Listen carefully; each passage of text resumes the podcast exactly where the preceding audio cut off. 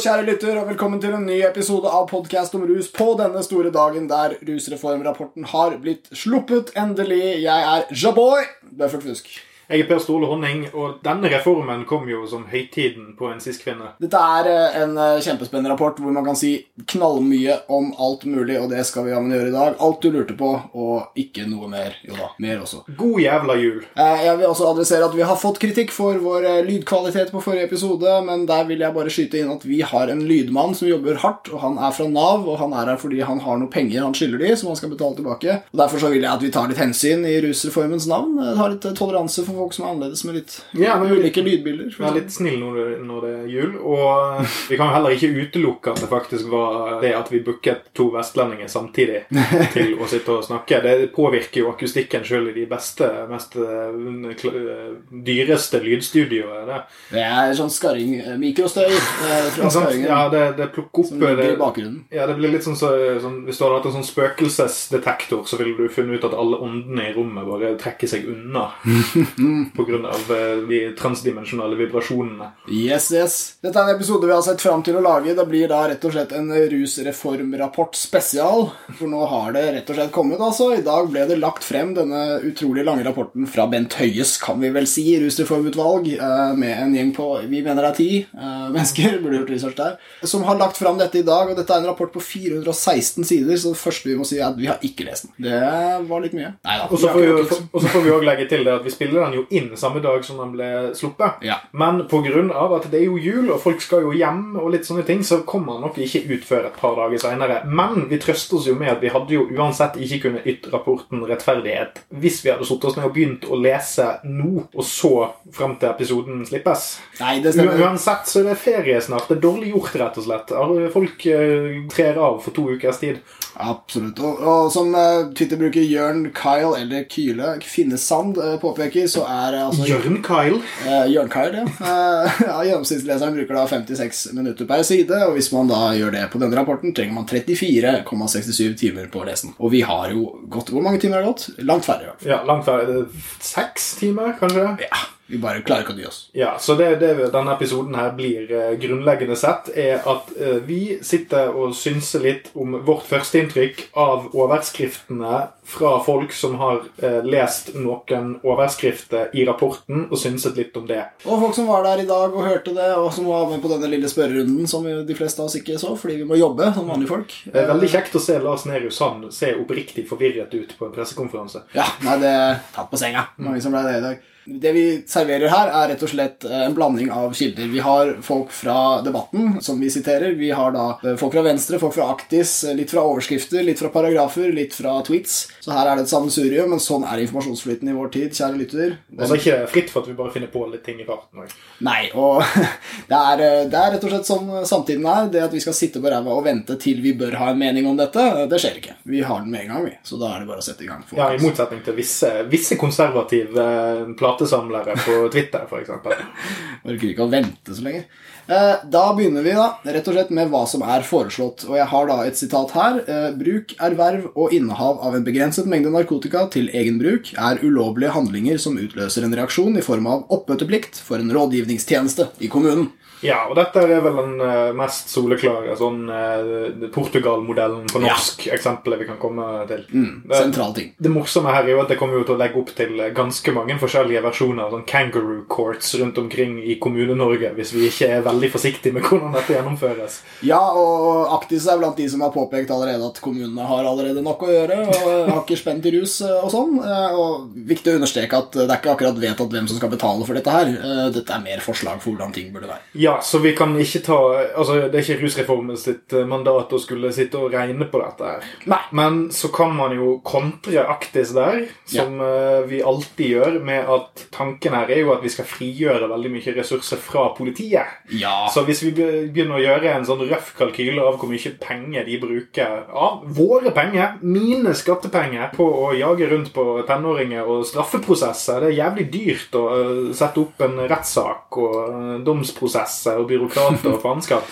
Så hvis vi kutter det med 50 kanskje det kan øh, de midlene kan gå til noen sånne kommunestyre... Det blir, blir nok frigjort noe kronasjer der. Viktig også, Vi må må sette rammen her for hva slags rapport dette er. ikke sant? Fordi dette er forslag om hva systemet bør gjøre. Veldig mange tolker denne rapporten nå i, i, på mange forskjellige måter i dag, for å si det sånn, men eh, de er satt for å se på hvordan den norske modellen burde være, for å si et sånt begrep. Og hvis vi skal ha en nemnd, da, så et slags møte du må i hvis du blir tatt for rus, sånn som i Portugal, så blir det liksom enten må staten drive det, eller så må fylkeskommunen eller fylket drive det, eller så må kommunen gjøre det. Du kan si det er naturlig at av de tre så blir det kommunene. Eh, Så, så ja, jeg forstår det. Jeg skal gi Aktis eh, et lite poeng, men det handler jo egentlig mer om New Public Management og litt sånne ting. Det er jo det at eh, Hvis vi skal gjøre radikale endringer i samfunnet, så burde det Hovedbyrden av det bør tas av toppen. Mm. Altså på statlig nivå burde hovedmengden av tunge arbeiderhavner Ja. Det burde være veldig enkelt for kommunene å, å implementere det.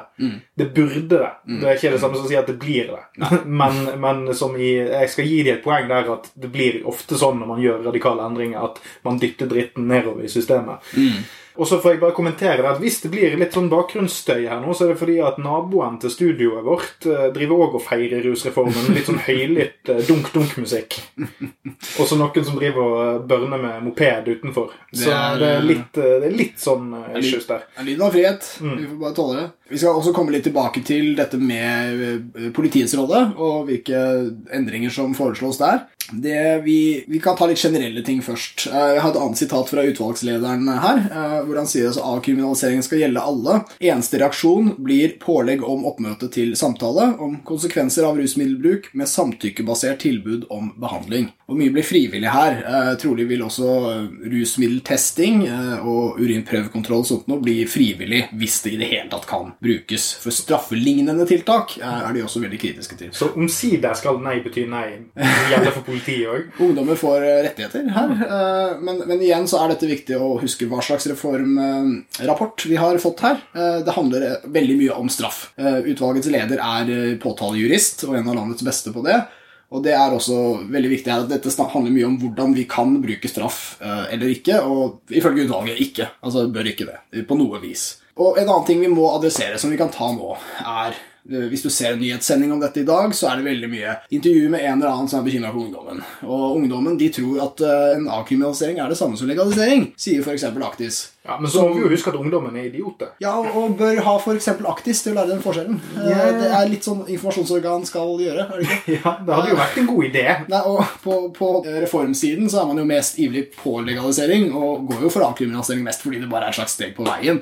Fordi det politiske systemet er sånn. Det er ingen av oss som helst vil gå via det. Men da er det jo morsomt å se på nettopp Aktis og den gjengen sin argumentasjon, der man blander det her veldig mye, og sier at nå skal de ha avkriminalisering, men det er egentlig legalisering. Så får du det til å høres ut som det er det samme. Så Da kan du jo lure på hvorfor ungdommen tror det. Det er ikke det. Det er en kjempestor forskjell. Og vi har tre punkter her som er det letteste. Altså, Lytteren er sikkert en av de som veit forskjellen, kanskje, men da kan du bruke disse punktene og så kan du forklare folk forskjellen. Ja, altså Jeg antar jo ikke at vi er veldig populære på videregående skole rundt omkring, men eh, nei. man skal jo aldri si aldri. Nei, kom igjen, unge mennesker. Young people. Ja. Young scallywags!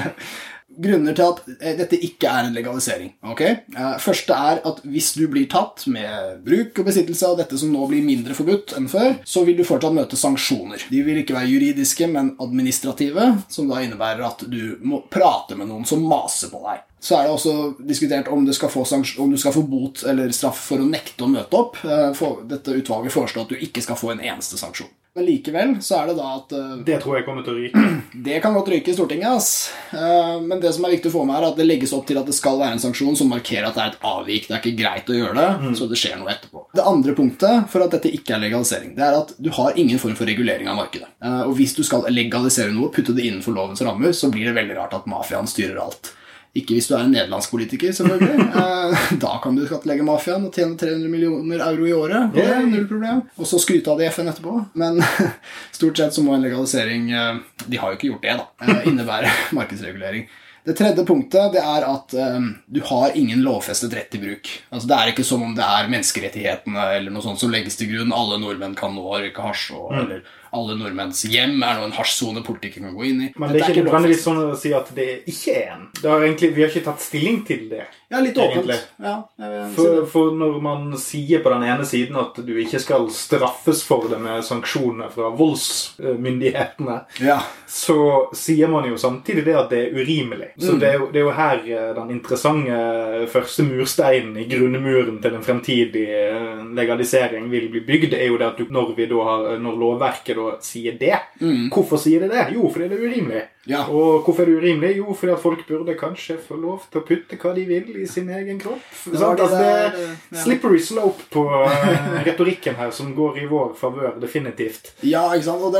Men, men likevel så bør det være lett for folk å forstå at denne nedskaleringen i lovverket det er ikke det samme som full lovlighet. Nei, det- altså, alvorlighetsgraden til disse lovbruddene går fra ja, i rettssammenheng å å slå ned en person, så alvorlig var det før, nå blir det parkeringsbot. Ja. Uh, type ting. Uh, bortsett fra at du slipper boten, da, heldigvis. Ja, Og at det faktisk er ganske farlig å slå ned folk. Ja, og feilparkering kan hindre brannbiler. Eh, veldig farlig for samfunnet. Det er det parkeringsetaten sier. Det er et ekstremt viktig arbeid de gjør. Vi må også ha Ja, vi kan ta roe litt ned med å tenke hvem er det som skal ha skryt for denne kommende La oss si kommende reformen, men for dette, denne rapporten som vi har i dag. Og da, da må vi jo nevne de politiske partiene som har stått sentrale. Der er det særlig MDG, men spesielt Venstre som må trekkes frem. Venstre har vært et parti med liten oppslutning i perioden. De har stått hardt på dette i regjeringsforhandlinger. Trine Skei Grande sier at dette vil bli den viktigste sosialpolitiske reformen i moderne norsk historie, og jeg er helt enig. Ja, Og det er jo ingen i regjeringen som bryr seg mer om ungdommen enn Trine Skei Grande. Jeg rører ikke den med en lang pinne. Venstre skal ha skryt. Mm, ja. Tilbake på den. Ja. Eh, eh, Back in business, back in business. Inkludert. Rotevatn.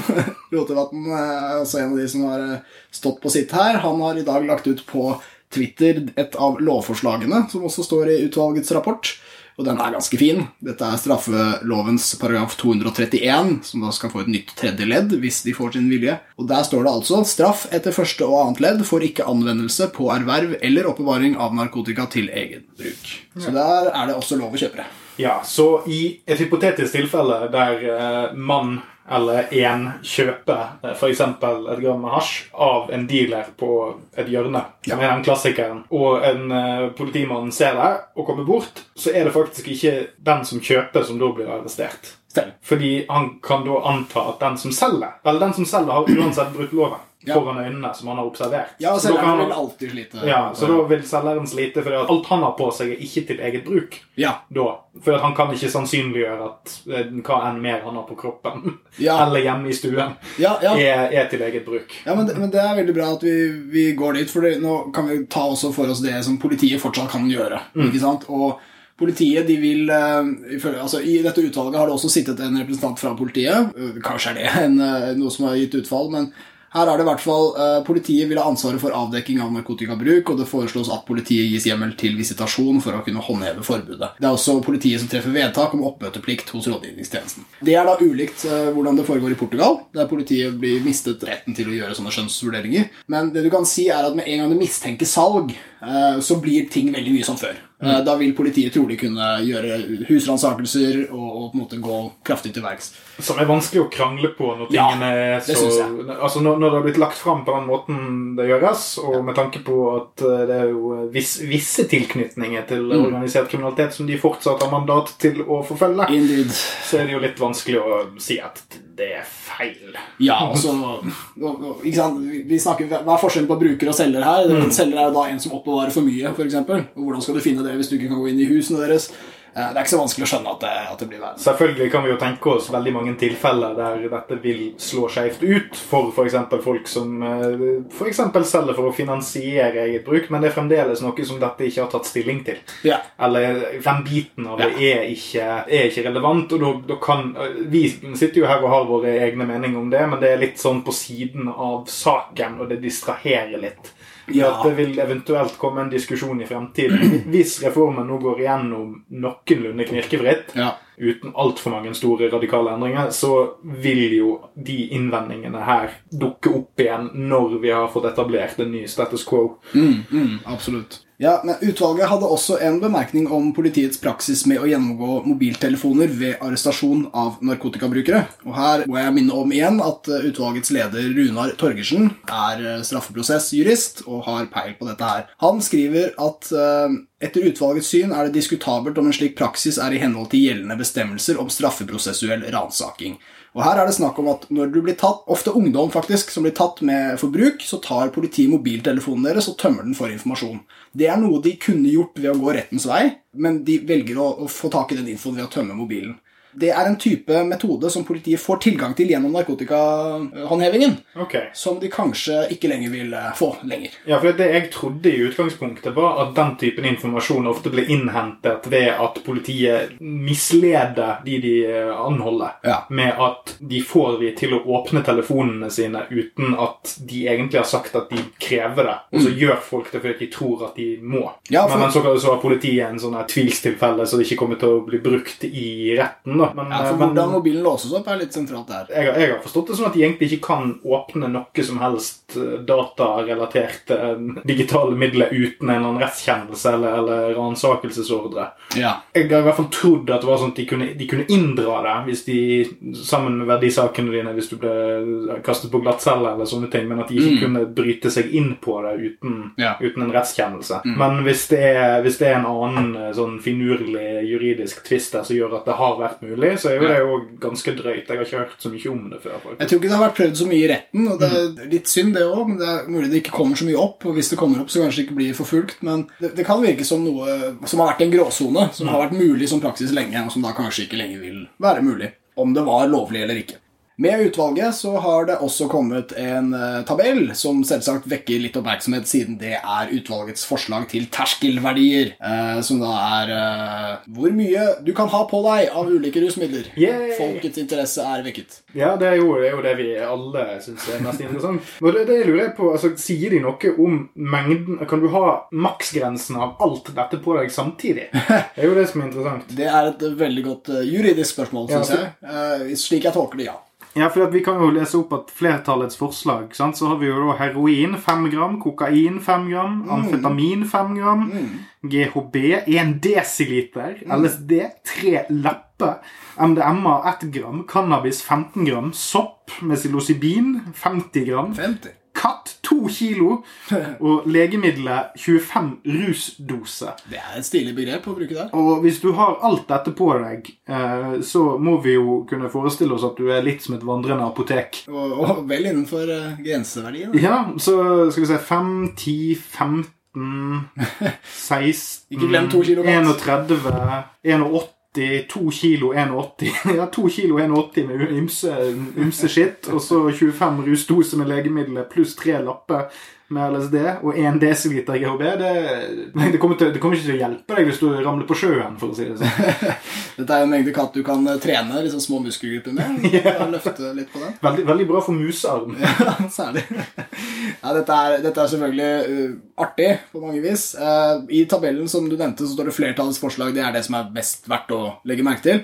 Men det det betyr, er at i dette utvalget hvor det er ti medlemmer, så har da åtte av de eh, Det er flertallet. De to som er på mindretallets uh, forslagsside der, det er eh, politimannen som var med, som jeg ikke har navnet på her, men også eh, medisiner fra St. Olavs hospital var også uenig med flertallets forslag der. Så eh, mindretallets forslag består av to av utvalgets medlemmer. Ja, Hva mer skal vi si om denne lista? Det er uh... Det er jo litt pussig Altså, Ja. det er på en måte både litt fint og litt rart på samme tid. For at det er sånn LSD blir jo behandlet sinnssykt mye røffere enn alle de andre her, nesten.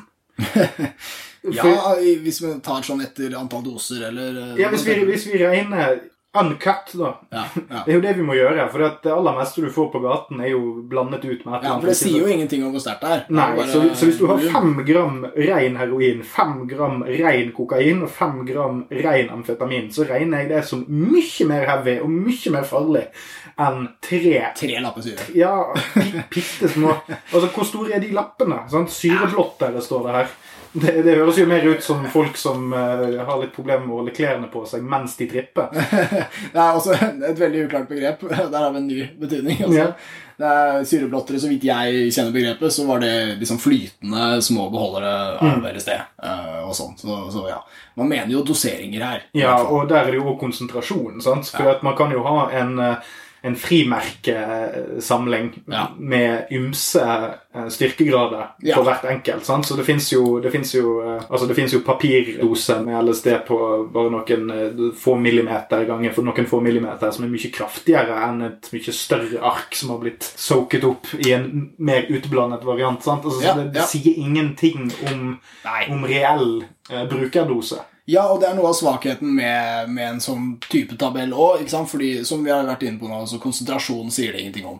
Det, men der er vi også tilbake på noe som skiller dette fra en legalisering. Eh, fordi i en avkriminalisering så er dette alt du kan gjøre. Du kan ikke si at hver syrebit skal bare ha f maks 400 mikron med LSD, eh, eller hva det nå heter. Du kan det, men det gjelder mye styr. Men, men du vet jo aldri hvor sterke de er, for det er jo ikke du som lager dem. da, for eksempel. Altså, Hvis staten styrte alt dette her sjøl, så hadde det jo vært veldig lett å si hvor sterk MDMA du kunne ha. Mm. eh, i antall gram og sånn. Men når ingen veit hvor sterk den er, og skurkene kommer til å fortsette å lage en, så får vi heller gå på gram. Det jeg da stusser litt på, jo det- der kan du jo fort få en del sånne juridiske tvister i retten, kan jeg se for meg. sant? Altså Hvis en eller annen person blir tatt med la oss si seks gram, da, Ja. men den personen sier ja, men det er ikke seks gram, det er jo eh, kanskje fire gram Mm. som er cuttet med to gram eh, kreatin. Ja.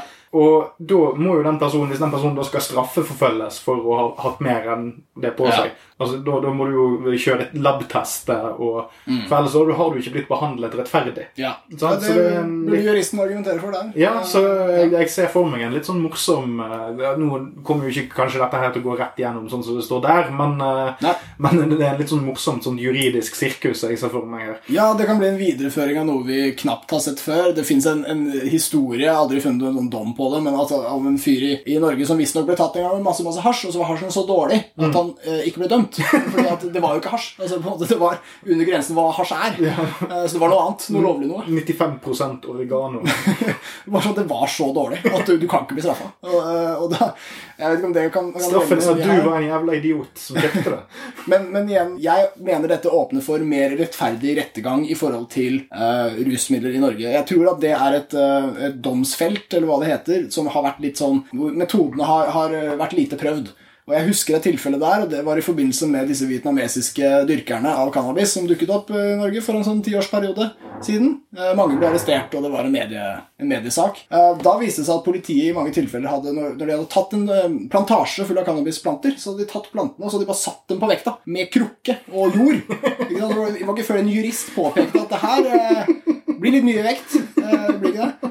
Og da, og da husker jeg, Grunnen til at jeg lærte om det her, var fordi at da slo media opp at nå tørker Kipos cannabis. Se, her henger alle disse plantene. Nå tørker de dem sånn som narkofolka gjør.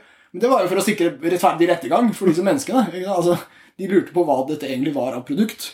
Ja, det, blir, det blir liksom som at noen hadde smuglet inn x antall kyr fra Sverige for å selge det på svartebørsen, Ja. og så måtte du slaktet alle sammen og så hengt de opp til tørk for å vite hva den reelle gateverdien på svartebørsen var. Eller at du, eller at du tar en heroinsmugler med, med en pakke heroin, og så bare får du han til å gå på vekta. med heroinpakken.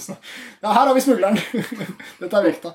Nei, eller, eller før de trekker det ut av endetarmen, så må du gå opp. Bare sleng på kroppsvekta. Det er sånn cirka.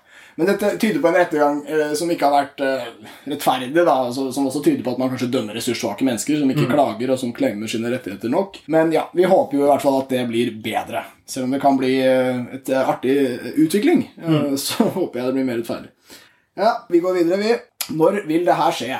Jo, ganske vanskelig å svare på det, gitt. Ja, Nå skal disse forslagene ut på høring, og jeg vet ikke hvor lang tid det tar. Jeg har ikke sett noen som tør å tippe det heller. Men eh, det skal på høring, og så skal det vel behandles av Stortinget, og så eventuelt da vedtas av Storting. Bent Høie, eh, The Architect, som jeg kaller ham i dag eh, mesterhjernen. Vel, han skal nå få litt skryt i dag. Han sier at han har ambisjoner om at rusreformen skal gjennomføres i løpet av inneværende stortingsperiode. Ja, som er fram til september 2021. Ja, så da har, vi, har han fort nesten et par år på, år på seg. År og ni Ja, måneder. ja, ja pluss minus et år og ni måneder er vel akkurat. Der har vi den. Lykke til, Bent. Kan bli en morsom debatt i den perioden, ser jeg for meg. Ja, for noe av fordelen med det er jo det at eh, altså, regjeringen har jo faktisk et insentiv til å få dette gjennomført. Dette, Mm. dette er det eneste eksempelet på noe de faktisk kan ha et stolt ettermæle for. For Ja. altså, jeg har jo ikke lagt skjul på at jeg ikke nødvendigvis eh, liker denne gjengen så jævlig godt, men jeg tror de aller fleste kan si seg enig i at det har vært mer bråk og eh, inkompetanse i denne eh, regjeringsperioden enn det har vært på ganske lenge. Og det er ganske mange upopulære ting som har skjedd, og mye sånn intern støy. Ja. Så alle regjeringspartiene har insentiv til å få dette gjennom. I en relativt lik form, tror jeg. Ja, og, og der starter du det bra, fordi altså, er det noe vi må nevne der, så er det jo det som har vært kaos i denne regjeringen, er noe som blir relevant her, nemlig Frp i Justisdepartementet. Eh, fordi de er ikke fan av, eh, av denne reformen, selv om de er, i utgangspunktet skulle være et liberalistisk parti. Da, og alt det der. Men det som er interessant nå, er hvor mye de vil bråke om dette i Stortinget, f.eks. For eksempel, fordi det kan jo hende at det fins en antinarkotikalobby i Norge som er så ivrig at de kanskje er på å stemme på det. Altså stemme på antinarko. Og det kan være politisk kapital i å være opposisjon her, muligens, hvis alle andre partier eh, støtter det. Men så har, de, så har de spilt ganske godt på å være vrange og lage mye kvalm, men så går det gjennom uansett. Altså det, er, Ja. det er veldig mye av disse, disse Listhaug, eh, eh, som egentlig er veldig bare distraherende for hva som faktisk foregår. Ja, ja, ja, ja. Så eh, Nå har jeg jo til og med glemt hvem som er justisminister akkurat nå, men det er ikke så rart, for han har jo sikkert byttet ut Kalmyr. ja, ja, det- er Kalmyr. Ja, det er Kalmyr. Køddemyr. Selvfølgelig. Han, han, han var jo Hva er det det heter er sånn Han var sånn statssekretær. Han opprinnelig for, for Anundsen, tror jeg han var i en periode. Det var det? Nå, det er jo fire-fem år siden. Mm. Men eh, Nei, han har jo bare holdt godt kjeft eh, ganske lenge nå, så har vi sluppet å se så mye til ham. Men eh, de profilerte seg veldig i starten når de tiltrådte som regjering i 2013-2014 med å være sånn knallhard mot de kriminelle og sånt. Så det jeg lurer på, er om de òg kanskje kan spille litt mynt på eh, ressursene. Vi har allerede vært inne på ressursbruk, sant? men hvis, hvis Frp kan spinne dette internt, Ja. som at nå får vi de pengene Mm. De pengene som nå brukes på dette i politiet, det kan vi nå Ja. Nå setter vi det ut på gaten, og vi skal få vekk all volden. og vi skal, ja, sant? At de kan Ja. sette det inn mot gjengene som distribuerer istedenfor. sant? Litt sånne ting. Sånn sett hadde en eh, legalisering vært å foretrekke, så det gikk i pluss. Ja. Vi fikk inn disse penga. Men, men eh, det jeg frykter, er at eh, altså, det vi har i Norge Vi har en viss form for populisme. Og jeg vet at det er et uh, ukult begrep, fordi det er liksom pes og avgrense. Det er liksom stort sett de meninger man ikke liker, kaller man det. Men det, det vi ser, er at noen saker blir liksom folkelige på en måte som har definitivt noe med klasse å gjøre. Uh, og en av dem er jo bompengesaken, ikke sant? Eh, hvor det da ble en slags antielitistisk kamp mot mm. rike folk i Oslo som, tok, som satte opp bommer for fattige folk i distriktene. Og jeg frykter at uh, narkotikasaken kan bli sånn fletta inn i det der, hvor folk som på en måte De jævla narkoliberalistene i Oslo med caffè latten sin og sparkesykler og trenger ikke bil og sånn. Skal røyke hasj på enhjulssyklene. Ja, Nå skal de røyke hasjen sin i fred, og så skal de, skal de ødelegge bygda på en eller annen måte da, med, med at det er lovlig. Eh, Jeg, jeg, Gi hasj til ulven og sende de inn i barnehagene.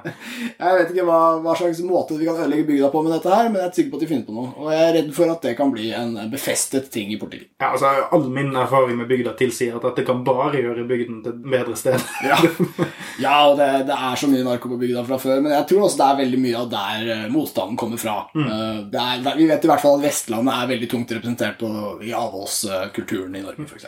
Men ikke i Bergen, tror jeg. Bergens Tidende har jo eksempel Ja, de, er jo en, de er jo en høyreorientert avis. Og de Ja. har jo òg gått ut og vært veldig mm. positivt innstilt på dette. her. Så det, Mm. Ja, De har også skrevet en leder nylig med, med kritikk av politidirektørens uh, kronikk, som uh, tok, var veldig redd, eller var bekymret, uh, for rusreformen. Så Bergens Tidende er en, en bauta i si, å få dette til å skje. Eh, Ja. Det må vi ha med. Så ikke, ikke noe diss til Bergen. men Bergen politikammer er sikkert ikke så veldig glad. Det, Nei, de, de har jo kvesset batongene sine i flere tiår. De eh, er jo noe for seg selv. Ja. Eh, La oss anta at de ikke er fans av dette. Og gå, mann! Eh, Men en annen ting eh, som vi Altså, vi var jo innom dette med at ungdommen ungdommen Hva skjer med ungdommen?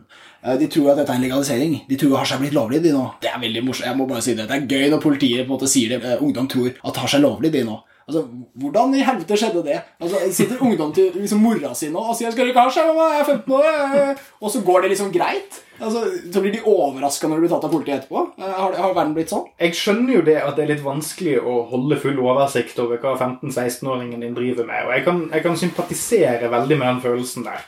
Ja. Men hvis argumentet hovedsakelig er ungdommen tror dette, hvorfor i alle dager er det noe du som en voksen person skal fortelle til en annen voksen person, som om at det skal forandre hva mening de har om saken? Ja. Du som voksen person som sitter på den informasjonen, burde jo bare fokusere mer på å fortelle dem nei, og gjøre deg forstått.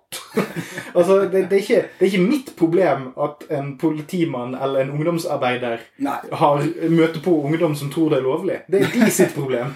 Og, og, så er det, og så er det sånn helt basal kunnskap, da, som at liksom kloden er rund og, og har seg forbudt. på en måte. Altså, Det, det fins ingen som, som ikke får med seg det. Eh, Og hvis det fins en tenåring som på en måte blir 16 år da, uten å få med seg at eh, cannabis er forbudt, så høres det ut som en 16-åring som lever i en eh, narkotikafritt samfunn, i selve utopien til politiet. De har jo ikke tenkt å ta stilling til dette. De har ikke sett hasj. Å ja, det er ikke, det er ikke lov, sier du? Nei vel. Men, men, det, det, det skjer jo ikke. Det vil i så fall høres bra ut, tenker jeg. da. Det er Ja. som noe politiet ønsker seg. Og så er det jo det at de må jo gjerne få seg en liten realitetsorientering, da, som det, det er gjerne det politiet liker å si at de gjør. At de er førsteinstansen for ting. Så jeg skjønner ikke hvorfor de klager på at de da får muligheten til å hjelpe en eh, ung person til å skjønne at nei, det er ulovlig. Det er ikke lov. Ikke lov i det hele tatt. Ikke sant? Og det, det vi tror veldig på i Norge, vi tror på straffeloven. Vi tror på staten, vi tror på eh, lovers normgivende effekt. Og den er en, den har vi i Norge. Den har vi i alle land. Julen ble jo opprinnelig innført som blodting til staten. Og nå tror vi på julen, alle sammen. Ikke sant? Det, det som virkelig ser ut til å skje, som også er den forskningen som Rusreformutvalget legger til grunn, det er at det ser ikke ut som lovverket påvirker bruksfrekvensen så veldig mye. Eh, Det som påvirker økning i bruk, det er internasjonale faktorer. Og vi ser også det skje i Norge nå. Altså Det er trolig en økning i bruk som skjer blant ungdom nå. Det er mange grunner til det. Internasjonalt så handler det om at uh, du har kulturelle argumenter som handler om hva folk anbefaler til hverandre uh, og syns er kult. Og så har du også ting som påvirker markedet, altså teknologi og alt som har med tilgjengelighet og produksjon å gjøre. Og sånne ting. Og, og dette er ikke så veldig nasjonalt, dette er internasjonale faktorer. så for å trekke fram noen ting som Carl Erik Grimstad også skriver i en kronikk i Dagbladet i går, eller var det i dag, eh, i hvert fall skrevet før utvalgets rapport, han eh, viser til at ESPAD-undersøkelsen viser at norske tiendeklassingers villighet til å prøve cannabis den økte betydelig fra 2007 til 2015, men bruken økte ikke. Interessant. Mens en fjerdedel da sa seg villig til å prøve cannabis i 2007, så var det blitt en tredjedel i 2015. Det var altså året før avkriminalisering ble aktuelt i Norge. Men at bruk blant unge nå øker, skyldes neppe en holdningsendring, eh, som har skjedd for lengst, men heller det at stoffet har blitt mer tilgjengelig for yngre folk. Det er også noe Ungdata-undersøkelsen tyder på. Andelen ungdomsskoleelever som svarte de har blitt tilbudt cannabis, økte med mer enn 50% fra 2015 til 2018 etter at dette har ligget stabilt lenge. Og det er trolig pga. Fremvekst av salgskanaler som sosiale medier. Fra 2015 til og ut, var det det? Eh, til 18. Til 18, ja. Ja, og Det har vært stabilt lenge, og så plutselig går det opp. Og, og da ser vi at da har det, Lovverket har ikke vært endra i den perioden. ikke sant? Eh, og da, ser vi, det må, da må det nesten være sosiale medier, for de poppa jo opp. Ja, men de sosiale mediene poppet jo gjerne opp mellom 2007 og 2015. Det har jo ikke vært en så radikal endring fra 2015 til 2018. Nei, men husk at det er en viss delay på dette her. Altså, Ja. Og dette er ungdomsskoleelever som det De har blitt tilbudt det. Ja, ikke sant?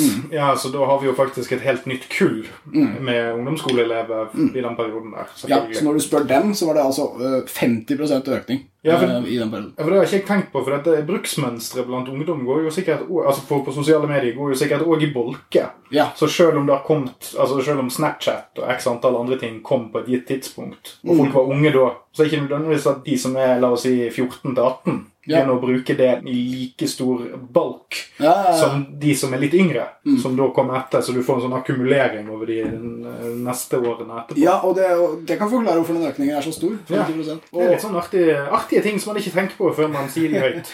Det er det, altså. Og i, i Norge jeg, jeg tror vi overvurderer veldig den effekten det har at noe er forbudt. Fordi veldig mange er også tatt til håper å si, Twitter og sånt med argumenter om dette de siste dagene. At ja, men da vil jo flere røyke det. Og det tyder på at de tror at det fins masse nordmenn der ute som egentlig har veldig lyst til å røyke cannabis, men de, gjør, de avstår fordi det er forbudt. Og det, jeg tror egentlig ikke de fins. Jeg tror de som har lyst, de gjør det.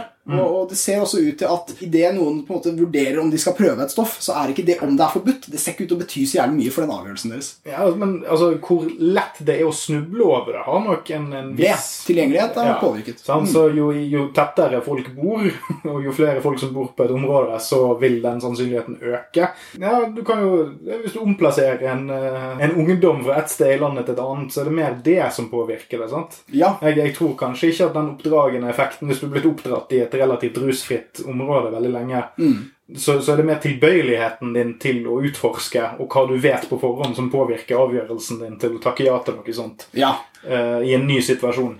Ja, og, og det, det, det finnes også en forskning, et begrep i forskningen som heter altså den forbidden fruit effect. Eh, en evig vanskelig ting å måle, men når du tar høyde for den, så finner du den hele tiden. At ting kan bli litt kulere av å bli forbudt også. Og den er blitt fremhevet i, i studier av hvorfor nederlandsk ungdom ikke røyker like mye cannabis som veldig mange andre steder. Og må vi også få med at ja, det er koselig at det er regulert i Nederland, at liksom, og det er 18-årsgrense på coffeeshopen og sånn. De fleste nederlendere kjøper ikke øh, cannabisen sin på coffeeshopper, de kjøper den på svartemarkedet, sånn som alle andre. Så ungdom har definitivt god tilgang der, men de er ikke så interessert i det. Og der, der er det også en, Normaliseringen har en litt sånn deromantiserende effekt. Det blir som å sitte for mye på pub eller noe sånt. Du er ikke så fet. Snoop Dogg er bare en av nabolagets alkiser. Ja. han er ikke så jævlig rå, liksom. Men, eh, men eh, der er du jo faktisk inne på noe eh, litt interessant. Og det er jo det at når voksne folk med veldig strenge meninger om ting sier normalisering, Ja. så mener de alltid noe negativt. Men at noe er normalisert, betyr jo at ting er sånn som det skal være. Sånn som de aller fleste observerer det. Sant? Jeg syns det er normalt at trikken stopper når det, trikken har rødt lys, for at det er normalt. Ja. Eh, Men hvorfor er det da sånn at bare fordi at vi normaliserer noe som ikke er normalt nå, at det da skal bety at bare fordi at det var unormalt før, så skal det være fælt at det er normalt nå? Ja, Det er jo egentlig det man sier. Som da, altså Homofili har jo blitt normalisert. Det har det. Det funka Og det var òg forbudt en gang, og vi er veldig glad i det, det argumentet der. Men likevel, vi har normalisert det og funnet ut at ja, det vi trodde var farlig med homofili, viste seg å stort sett være ting vi fant på fordi at det var forbudt. Ja. Eller de- ting vi antok fordi at det var forbudt. Ja, men, det, men det er, Normalisering er et kjempebra begrep her. Ikke sant? Fordi du har eh, De som er imot dette, de fokuserer på forebygging. De mener de setter opp normalisering som helt motsatt motsetning til forebygging. Og jeg tror ikke det er det. Jeg tror normalisering kan være veldig forebyggende. Og i hvert fall hvis det vi snakker om av forebygging, er skader. Hvis du skal snakke om forebygging av bruk, som i hver person som bruker er en fiasko, vel, kanskje ikke. Eh, Men hvis vi snakker om at folk kommer til å gjøre det uansett, og de må skade seg minst mulig, så tror jeg normalisering er kjempeviktig. Fordi folk under forbudstid de snakker jo ikke om hvordan de gjør ting. De snakker jo ikke om hvor mye de skal ta, eller, eller hvor rent det burde være. eller whatever. De, de bare dytter i seg og holder kjeft, og, og holder det hemmelig. Og Det er ikke snakk om at det kan bli mindre skadelig bruk av det. Det, det blir jo mye mer skadelig bruk, og øh, normalisering handler igjen om å, å holde seg trygg, og, og det tar mye bort. Jeg, jeg klarer ikke å gi slipp på den der øh, effekten der. altså. Det, det blir ikke så romantisk når du driver og planlegger og er en sånn nerd. Altså, Det å ta en pille på en fest det er et skurkete opplegg, det er spennende og, og, og spontant, men det å veie og dosere og det å teste og bable om det hele dagen det er dølt, det er for nerder, og det er trygt. Og så eh, tror jeg kanskje jeg, jeg kan oppsummere min nye definisjon av normalisering. er at Normalisering er det som skjer når folk som ikke er interessert i å gjøre en ting, er nødt til å forholde seg til at andre kan gjøre det. Ja. Uten at, uten at vi kan hindre dem direkte. Og det er jo et større problem for de som ikke deltar, enn de som deltar, tenker jeg, Ja. på festen. Ja, og eh, det er viktig å få med I og med at vi nevnte dette med internasjonale trender, eh, og at det er de som stort sett påvirker bruksmønstre eh, og, og kultur rundt illegale rusmidler, så må vi også ta med det at eh, England Nå er de svært unike på sine rusvaner, men mye av de norske eh, rusvanene kommer litt kulturelt derfra, og trolig en del av kulturen om hva som er kult og ikke, kommer også derfra. Og vi har jo hatt masse diskusjon om dette med testing av rusmidler på festival, f.eks. Og nå var det en, nylig en undersøkelse som avslørte at det var da var det en ganske stor spørreundersøkelse av festivalgjengere, hvor de da var 50% av alle som svarte at de hadde tatt ulovlige rusmidler på festival i Storbritannia i sommer. Og etter at det tallet kom ut, så da våkna de litt. De som ville ha testing eller håper å har vært litt skeptiske til det før, de, de begynner nå å ta veldig til orde for dette. Dette har også skjedd en del år, og det har gått veldig fint osv. Men, men vi stirrer på en internasjonal trend der brukstall kommer til å øke i Norge, tror jeg. Uansett hva vi gjør, uansett hva vi velger å gjøre og, og tillater politiet å gjøre, så kommer norsk ungdom til å ta mer narkotika, disse stoffene, om fem og ti år enn de gjør i dag. Og hva gjør vi med det? Hva, straffer vi dem? Det, det er disse svarene som f.eks. Aktis og sånn må gi oss når de blir så sinte på denne rusreformrapporten. De, Pernille Huseby uttalte dette er et forslag til reform vi ikke kan støtte. Det er altfor svakt på forebyggingssiden. Og da er jeg litt sånn sånn Hvordan er straff forebyggende? Hvordan, hvordan forebygger du rusproblemer i samfunnet med straff? Fordi når du sier forebygging, så kan det bety så jævlig mye.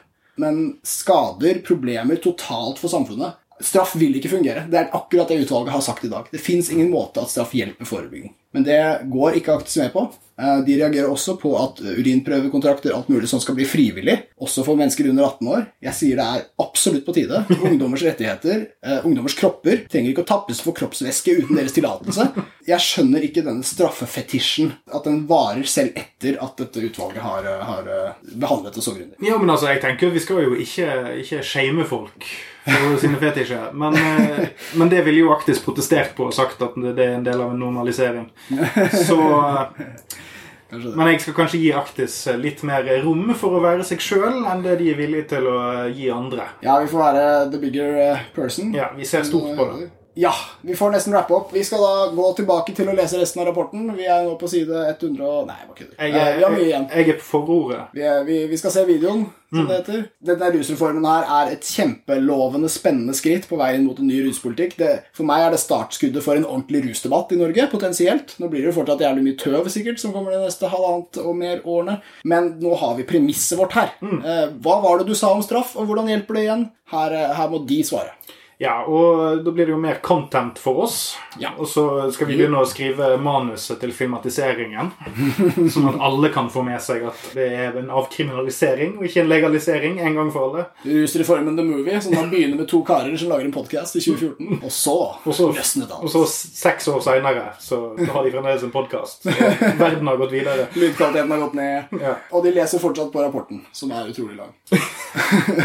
Sisyfos-rapporten. Den Men det er veldig lovende, folkens. Det er spennende tider vi lever i. Jeg håper dere alle er optimistiske hvis dere er på vår side av debatten. Jeg tror i hvert fall vi kan konkludere allerede med at tunge rusmisbrukere definitivt vil få det bedre. Lette rusbrukere vil også nok få det.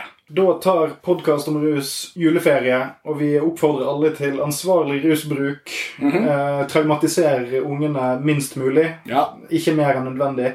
Sikt på overkroppen til kompisene dine med nyttårsrakettene, og ikke øynene.